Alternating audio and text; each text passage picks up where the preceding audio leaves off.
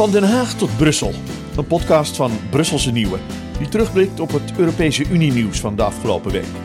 Want welke Europese wetten komen eraan die we in Nederland gaan voelen? En hoe proberen Nederlanders in Brussel hun punten binnen te halen? Van stikstof tot migratie, van spoorlijnen tot waterstof. Jasper Roorda kijkt door een Nederlandse bril naar de laatste Brusselse ontwikkelingen. 13 procent. Dat is hoeveel minder vrouwen gemiddeld verdienen in de Europese Unie. In Nederland doen we het zelfs nog iets slechter. Daar verdienen mannen gemiddeld zo'n 14,2% meer dan hun vrouwelijke collega's. Nu heeft het Europees Parlement donderdag een wet aangenomen die daar korte metten mee moet maken. Door bedrijven te dwingen transparanter te zijn over hun salarissen, wil Brussel de loonkloof dichten. Samira Rafaela, zij is uh, Europarlementariër voor D66, was hoofdonderhandelaar op dat dossier. Laten we even luisteren naar wat zij tegen haar collega's te zeggen had. Deze wet, loontransparantie, geeft alle vrouwen in Europa de handvatten om te achterhalen of zij gelijk worden betaald. Je hoeft voortaan niet per ongeluk te horen dat je mannelijke collega in dezelfde functie met hetzelfde profiel toch meer betaald krijgt.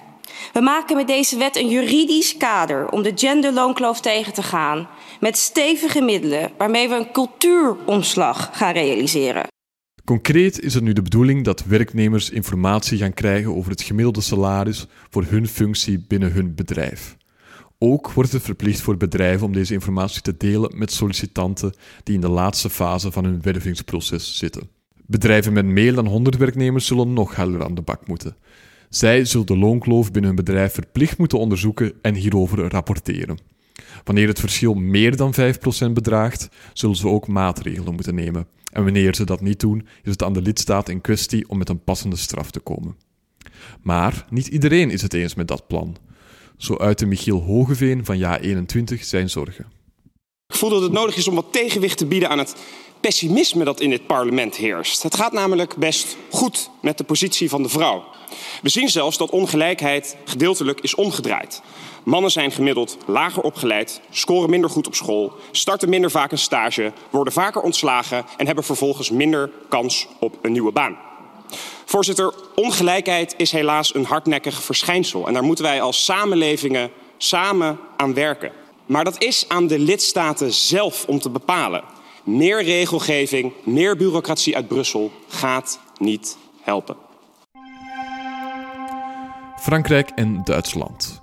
Op het klimaatdossier lijken ze steeds vaker met elkaar te clashen.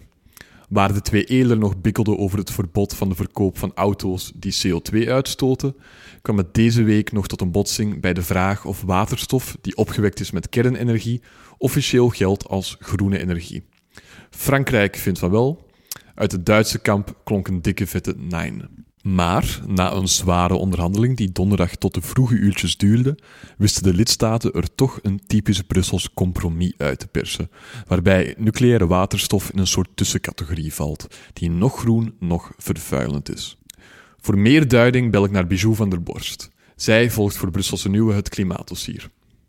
Bijou, um, er is dus een heleboel gesteggel over iets wat op het eerste zicht toch wel een technisch detail lijkt. Dus gewoon over dat, dat groene labeltje. Is iets officieel gezien, technisch gezien groen of niet? Waarom is dat nu voor die lidstaten zo belangrijk? Ja, dat is leuk aan Europa. Het zit hem altijd in de, in de details, die dan uiteindelijk heel belangrijk blijkt te zijn voor een land. Nou ja, kort samengevat, waarom is het zo belangrijk? Allereerst, je kan er heel veel geld mee verdienen. Um, want het gaat erom eigenlijk, wat wordt de energie van de toekomst als we straks bijna geen CO2 uh, eh, meer willen uitstoten. Dus voor die projecten die als groen zijn aangemerkt, is er uh, ja, daar is vooral veel meer geld en zelfs subsidies uh, voor beschikbaar. Daar is straks veel meer vraag naar. Dus het is heel belangrijk voor landen om um, ja, zelf die energie te produceren die straks uh, veel gevraagd wordt.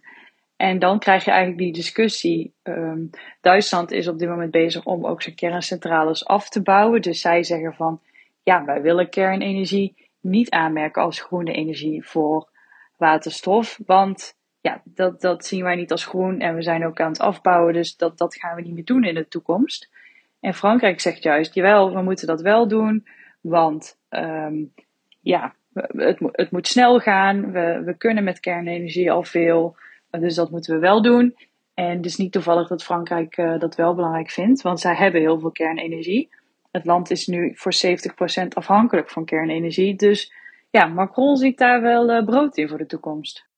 Um, ja, er is dus heel duidelijk een, een voor- en een tegenkamp. Weten we ook uh, in welk van die twee kampen de Nederlandse regering zich bevindt? Nee, Nederland zit echt tussen twee vuren dit keer. Dat was dinsdag ook heel erg duidelijk, want de Fransen en de Duitsers hadden dus allebei hun eigen vergaderingen georganiseerd. Bij beide vergaderingen waren Nederlanders aanwezig. Dus ja, de Nederlanders die, die, die houden eigenlijk alle, alle opties nog open. Uh, dat komt omdat uh, Nederland ziet wel het belang van kernenergie en een snelle klimaataanpak. Dus ja, in die zin staan ze eigenlijk een beetje aan de kant van Frankrijk.